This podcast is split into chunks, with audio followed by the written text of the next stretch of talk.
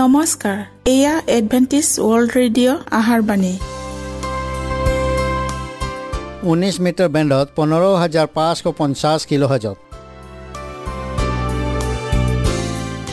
Adventist World radio যোগে অসমীয়া ভাষাত প্ৰচাৰিত আহাৰবাণী প্ৰত্যেক বুধবাৰ আৰু দেওবাৰ সন্ধিয়া সাত বজাত আহাৰবাণী শুনাৰ পিছত আপোনালোকৰ কিবা মন্তব্য আৰু প্ৰশ্ন থাকিলে আমালৈ এই ঠিকনাত লিখক। আমাৰ ঠিকনাটি হৈছে Adventist world radio' seven day Adventist মণ্ডলী অসম শাখা লতাকাটা বশিষ্ট গুৱাহাটী সাত আঠ এক শূন্য দুই ন।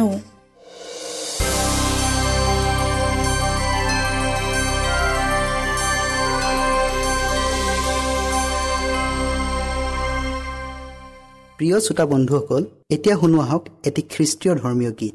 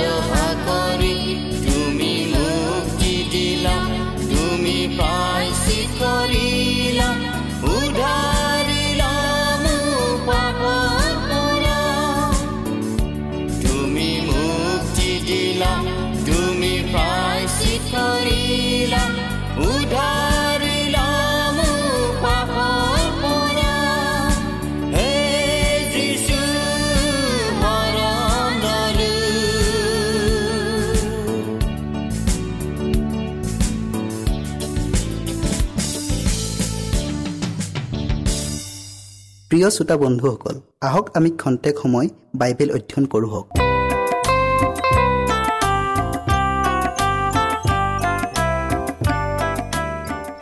ঈশ্বৰ বিষয়ক জ্ঞান। ঈশ্বৰে নিজকে আমাক তেওঁৰ পৰিচয় দি আমাৰ সৈতে সম্বন্ধ গঢ়ি তুলিবলৈ ইচ্ছা প্ৰকাশ কৰাৰ নানান উপায় অৱলম্বন কৰাৰ পথ আছে। প্ৰকৃতিয়ে অবিৰামভাৱে আমাৰ চেতন শক্তিত জাগৃত কৰি তেওঁৰ হাতৰ কৰ্মৰ যোগেদি তেওঁৰ প্ৰেম আৰু শক্তিৰ সাজ আমাৰ হৃদয়ত বহুৱায়। সেউজীয়া পথাৰ গছ গছনি ফল মূল নদ নদী পৰ্বত পাহাৰ ভৈয়াম ৰ'দ বৰষুণ নিজৰাৰ কুলু কুলু সুৰেৰে বৈ যোৱা শব্দ আকাশত ভাহি ফুৰা ডাৱৰ সূৰ্য চন্দ্ৰ তৰা গ্ৰহ নক্ষত্ৰ ইত্যাদিয়েই এই আটাইবোৰেই সৃষ্টিকৰ্তাজনাক আমাৰ সৈতে পৰিচয়ৰ বিনিময় কৰায় মন কৰোঁ হওক ঈশ্বৰৰ সৃষ্টিবোৰেই আমাক তেওঁত বাধ্যতা আৰু বিশ্বাসী হোৱাৰ উত্তম শিক্ষা প্ৰদান কৰে। সৌৰ জগতৰ পৰা আৰম্ভ কৰি ক্ষুদ্ৰ পৰমাণুটোলৈকে প্ৰকৃতি নিৰ্ধাৰিত কৰি দিয়া নিজ নিজ কক্ষপথত যুগ যুগান্তৰ ধৰি গতি কৰি ঈশ্বৰৰ আজ্ঞাৰ বশৱৰ্তী হৈ আহিছে। সেয়েহে তেওঁ সৃষ্টি কৰা আটাই বস্তুৰেই তত্বাৱধান লয় আৰু নিজ অধীনত ৰাখে। ঈশ্বৰৰ নিজ হাতেৰে সৃষ্টি কৰা প্ৰকৃতিখন আৰু আমাৰ পাৰ্থিৱ বাসস্থান ইমান মনোৰম আৰু মনোমোহাকৈ সাজিলে যাতে তেওঁৰ সন্তানবিলাকে তাৰ কাৰণে তেওঁৰ প্ৰশংসা কৰে। যিজনাই এই অতি বিশাল বিশ্বখনৰ প্ৰতি লক্ষ্য ৰাখে সেই একেজনাই একে সময়তেই নিৰ্ভয় মনেৰে গছৰ ডালে ডালে সুললিত সুৰেৰে গীত গাই নাচি থকা সৰু চৰাইটোৰ প্ৰতিও লক্ষ্য কৰি যত্ন লয়। যেতিয়া মানুহে তেওঁৰ নিজৰ দৈনিক কৰ্মত ব্যস্ত হৈ থাকে যেতিয়া ঈশ্বৰক ধন্যবাদ দিবৰ বাবে প্ৰাৰ্থনাত ৰথ হয় নিশা যেতিয়া অৱস শৰীৰ লৈ শুই পৰে পুৱা যেতিয়া সাৰ পাই উঠে যেতিয়া ধনৱান লোকবিলাকে নিজ গৃহত ৰাজভোগেৰে আহাৰ কৰে বা দৰিদ্ৰবিলাকে নিজৰ সন্তানবিলাকক চাৰিওফালে বসুৱাই লৈ সাধাৰণ আহাৰ কৰে। তেতিয়াই স্বৰ্গীয় পিতৃয়ে এই আটাইবোৰলৈ দৃষ্টি কৰে। কাৰোবাৰ চকুলো আৰু কাৰোবাৰ হাঁহি তেওঁৰ দৃষ্টিগোচৰ নোহোৱাকৈ নাথাকে। আমি উপৰোক্ত কথাবোৰ নিঃসন্দেহে বিশ্বাস কৰিলে আমাৰ অমূলক আটাই দুখ কষ্ট চিন্তা আঁতৰ হৈ যাব। আমাৰ জীৱন এতিয়াৰ দৰে হতাশ নিৰাশাত ভুগি দিন অতিবাহিত কৰিব নালাগিব। সৰুৱেই হওক বা ডাঙৰেই হওক আটাই সমস্যাৰ ভাৰ ঈশ্বৰৰ হাতত অৰ্পণ কৰোঁ হওক। আমাৰ অসহনীয় সমস্যাৰ ভাৰ যিমানেই গধুৰ নহওক কিয়? এই আটাইবোৰকেই নোহোৱা কৰিব আৰু পৰিণামস্বৰূপে আমাৰ আত্মাই জিৰণি পাব। আপুনি এই জগতৰ সৌন্দৰ্যত প্ৰতি আকৃষ্ট হৈ আনন্দিত হ'ব পাৰে। কিন্তু হ'ব লগা নতুন পৃথিৱীখনলৈ এখন্তেক ভাবি চাওকচোন যিখন পৃথিৱীত পাপ আৰু মৃত্যুৰ অধিকাৰ কোনো কালেও নাথাকিব। নাইবা তাৰ প্ৰকৃতিয়েও অশান্তিৰ ছাঁৰে আঁৰত হৈ নাথাকিব। আপোনাৰ মনৰ কল্পনাৰে সেই নিৰাপদ ঘৰখন ছবি এটি অংকিত কৰক। কিন্তু মনত ৰাখিব আপোনাৰ মনৰ অতি তীক্ষ্ণ কল্পনাৰে অঁকা ছবিখনতকৈ সেই ঘৰখন কল্পনাতীতভাৱে সৌন্দৰ্যময় হ'ব। ঈশ্বৰে প্ৰকৃতিৰ যোগেদি দিয়া নানা বৰ আমাৰ দৃষ্টিৰ দ্বাৰাই হওক বা অনুভৱ কৰিয়েই হওক আমি উপভোগ কৰিছোঁ। এইবোৰ ঈশ্বৰৰ মহা ক্ষমতাৰ ধিমিক ধামাক পোহৰহে। বাইবেলত লিখা আছে চকুৱে যি যি নেদেখিলে কাণে যি যি নুশুনিলে আৰু মানুহৰ হৃদয়তো যি যি নুসুমাল ঈশ্বৰে তেওঁক প্ৰেম কৰোতাবিলাকৰ নিমিত্তে যি সকলো যুগুত কৰিলে।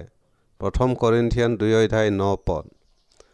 কল্পনাপ্ৰিয় বিশিষ্ট ব্যক্তি আৰু প্ৰকৃতিবিদসকলে প্ৰকৃতিৰ বিষয়ে অনেক চিন্তা চৰ্চা কৰি থাকে। কিন্তু ঈশ্বৰৰ লোকবিলাকে এয়া পিতৃ ঈশ্বৰৰ হাতৰ কৰ্ম বুলি স্বীকাৰ কৰি প্ৰকৃতিৰ আটাই সৌন্দৰ্য উপভোগ কৰে।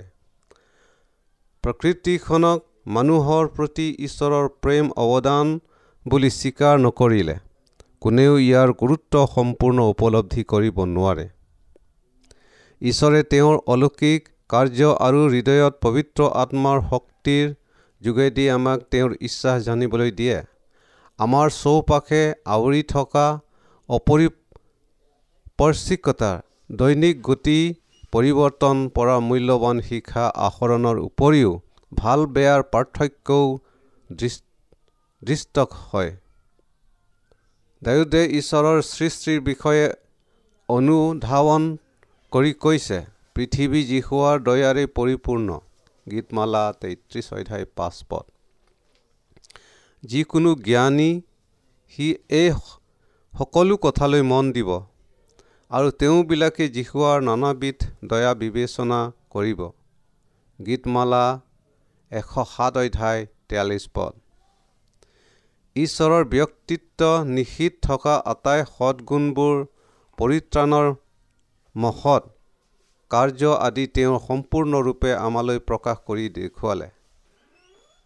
ইতিহাসে পুৰণিকালৰ ভাৱবাদী আৰু ঈশ্বৰৰ লোকবিলাকৰ বিষয়ে এইদৰে কয় সিবিলাক আমাৰ নিচিনা সুখ দুখ ভোগী মানুহ আছিল। ইয়াকো পাঁচ অধ্যায় সোতৰ পদ। তেওঁবিলাকেও আমাৰ নিচিনা হতাশ নিৰাশাত দুখ কষ্ট নানান পৰীক্ষাত পতীত হ'লেও ঈশ্বৰৰ শক্তি আৰু অনুগ্ৰহৰ দ্বাৰাই তেওঁৰ ধাৰ্মিকতাত পুনৰাই উপনীত হৈছিল। এয়া আমালোককো এটা উৎসাহমূলক আৰ্হি। তেওঁবিলাকে ঈশ্বৰৰ সৈতে চলাচল কৰিবলৈ যি শক্তি অনুগ্ৰহ আৰু আশীৰ্বাদ পাইছিল সেইদৰে চলিছিল। তেওঁবিলাকৰ আদৰ্শ আমাকো প্ৰেৰণা যোগায়। যীশুৱে এই বিষয়ে পুৰণি নিয়মৰ উদ্ধতি দি নতুন নিয়মত কৈছে সেই শাস্ত্ৰত তোমালোকৰ অনন্ত জীৱন আছে বুলি ভাবা আৰু সেই শাস্ত্ৰেই মোৰ বিষয়ে সাক্ষ্য দিয়ে। জোৱান পাঁচ অধ্যায় ঊনচল্লিছ পদ। এইটো একেবাৰে সঁচা। গোটেই বাইবেল শাস্ত্ৰখনত খ্ৰীষ্টৰ বিষয়েহে পোৱা যায়। সৃষ্টিৰ পাতনিৰ পূৰ্বৰে পৰাই তেওঁ আছিল। কিয়নো লিখা আছে তেওঁৰ দ্বাৰাই সকলোৱে হ'ল আৰু যি যি হ'ল সেইবোৰ এটাও তেওঁৰ বিনে নহ'ল। জোহন এক অধ্যায় তেৰ পদ। আৰু শেষ প্ৰতিজ্ঞালৈকে তেওঁ আছে চোৱা মই বেগাই গৈছোঁ। প্ৰকাশিত বাক্য বাইছ অধ্যায় বাৰ পদ। আপুনি তেওঁক জানিবলৈ হ'লে পবিত্ৰ বাইবেল শাস্ত্ৰখন অধ্যয়ন কৰক। ঈশ্বৰৰ আত্মিক আৰু জীৱনময় আশাৰ স্বৰূপ বাক্যৰে অন্তৰৰ ক্ষুধা আৰু তৃষ্ণা নিবাৰণ কৰক। যীশুৱে আমাক কৈছে মানুহৰ পুত্ৰৰ মাংসৰ প্ৰতীকস্বৰূপ ৰুটি নাখালে আৰু তেওঁৰ তেজ প্ৰতীকস্বৰূপ দ্ৰাক্ষ ৰস পাণ নকৰিলে তোমালোকৰ নিজত জীৱন নাই। জোহন ছয় অধ্যায় ত্ৰেপন্ন পদ। এই কথাখিনি তেষষ্ঠি পদ যীশুৱে বুজাই দি কৈছে আত্মাহে জীৱন দিওঁতা মাংস একো উপকাৰী নহয়। মই তোমালোকৰ যিবোৰ কথা কৈছোঁ সেই কথাই আত্মা আৰু জীৱন।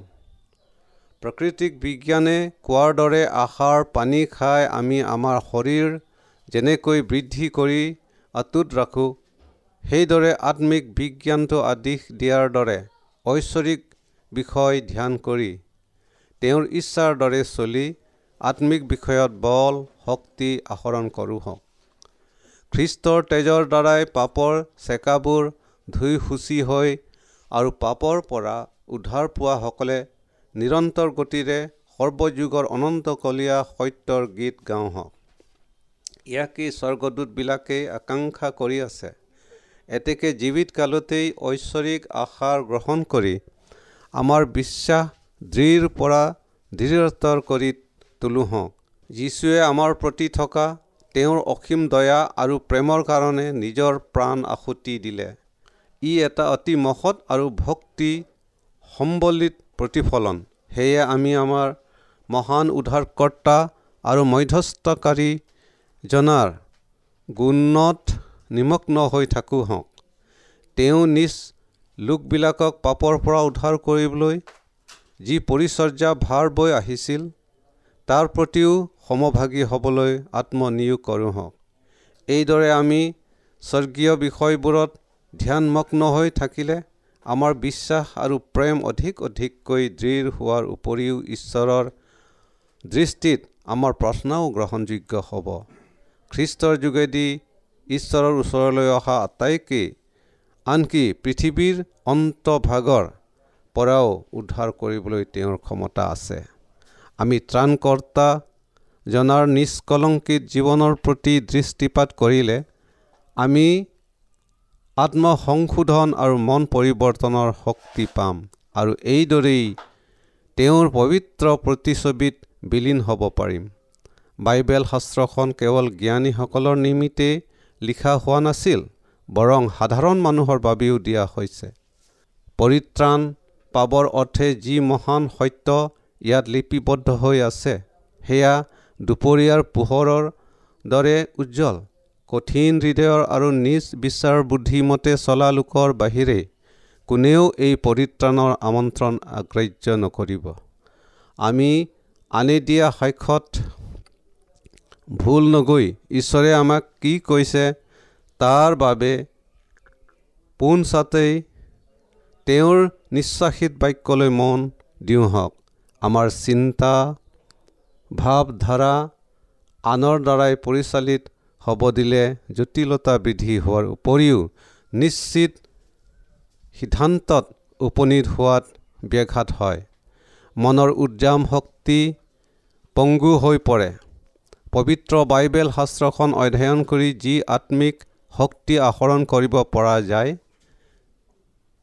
আন কোনো অধ্যয়নে আত্মিক দিশত পোৱা আনন্দ আপলোড কৰিব নোৱাৰে। আমি গোটেই শাস্ত্ৰখন অধ্যয়ন কৰি যদি ইয়াত লিখা কথাবোৰৰ অৰ্থ বুজি নাপাওঁ তেতিয়া অধ্যয়ন কৰা একো মূল্য নাই। ঈশ্বৰৰ বাক্য বুজি পাবলৈ আৰু আত্মিক বিষয়ত জ্ঞান প্ৰাপ্ত হ'বলৈ প্ৰাৰ্থনাৰ সহিত শাস্ত্ৰ অধ্যয়ন কৰক। শাস্ত্ৰখনত কিছুমানে কথা সহজ সৰলভাৱে লিখা আছে যিবোৰ বুজি পোৱাত অসুবিধা নহয়। কিন্তু এনে কিছুমান গধুৰ বিষয়ো লিখা আছে যিবোৰ তত্ত্ব বুজিবলৈ সহজ নহয়। পবিত্ৰ বাইবেল শাস্ত্ৰখন পঢ়াৰ বা মেলাৰ আগেয়ে অধ্যয়ন কৰাৰ বাক্যবোৰ বুজি পাবলৈ পবিত্ৰ আত্মাৰ শক্তি বিচাৰক আৰু এই শক্তি আপুনি নিশ্চয় পাব। নাথানিয়েল যীশুৰ ওচৰলৈ আহোঁতে যীশুৱে তেওঁৰ বিষয়ে কৈছিল চোৱা এইজন স্বৰূপ ইছৰাইল লোক এওঁত একো কপট নাই। তাতে নাথানেলে তেওঁক ক'লে আপুনি মোক কেনেকৈ চিনিলে?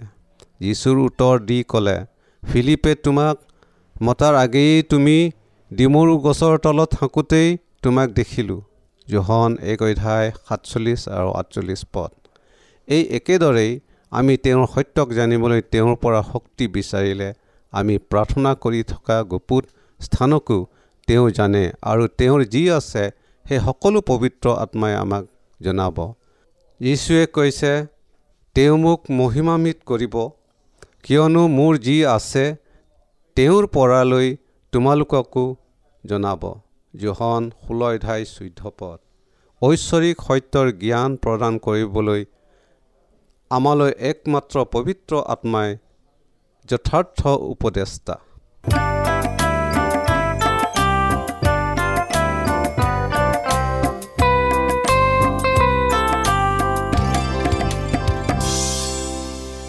ইমানপৰে আমি বাইবেল অধ্যয়ন কৰিলোঁ। এতিয়া আকৌ শুনো আহক এটি খ্ৰীষ্টীয় ধৰ্মীয় গীত।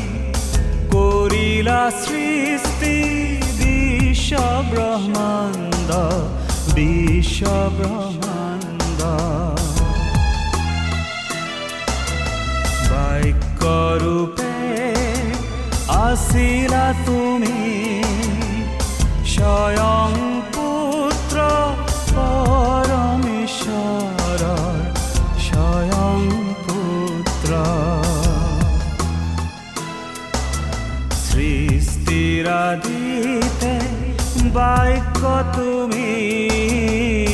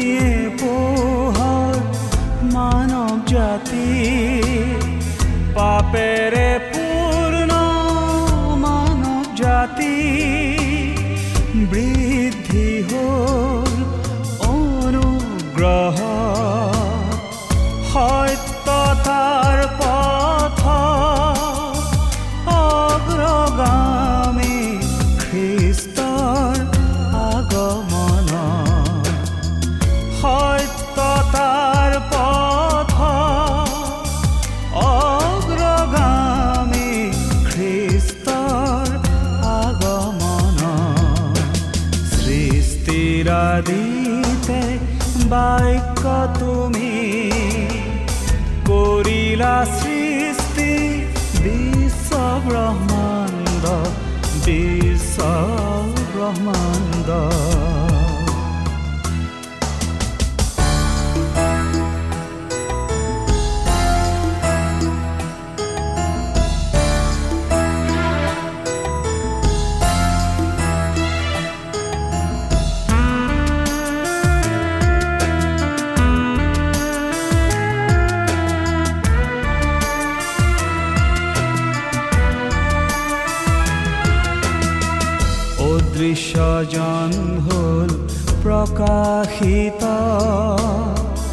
দিবলৈ শান্তি প্ৰেম অদৃশ্যজন হ'ল প্ৰকাশিত দিবলৈ শান্তি প্ৰেম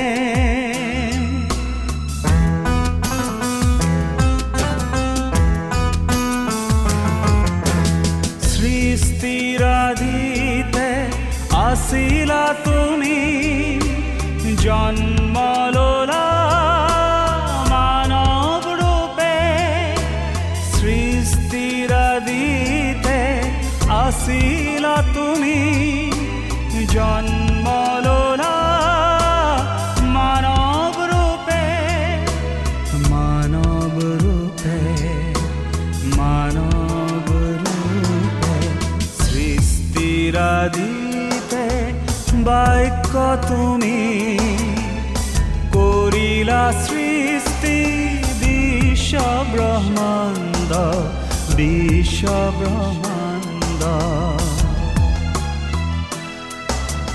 বাক্য রূপে আসিলা তুমি স্বয়ং পুত্র পরমেশ্বর স্বয়ং পুত্র। সৃষ্টিরা দিতে বাক্য তুমি।